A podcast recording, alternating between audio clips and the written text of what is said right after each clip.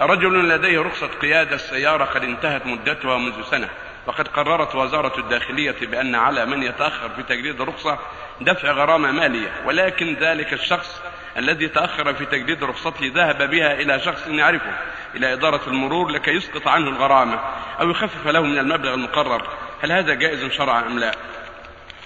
كان من طريق الكذب من طريق الخيانة ما يجوز أما إذا كان من طريق المسؤولين عندهم نظام يخفون عن بعض الناس عن الفقير أو غيره هذا شيء آخر.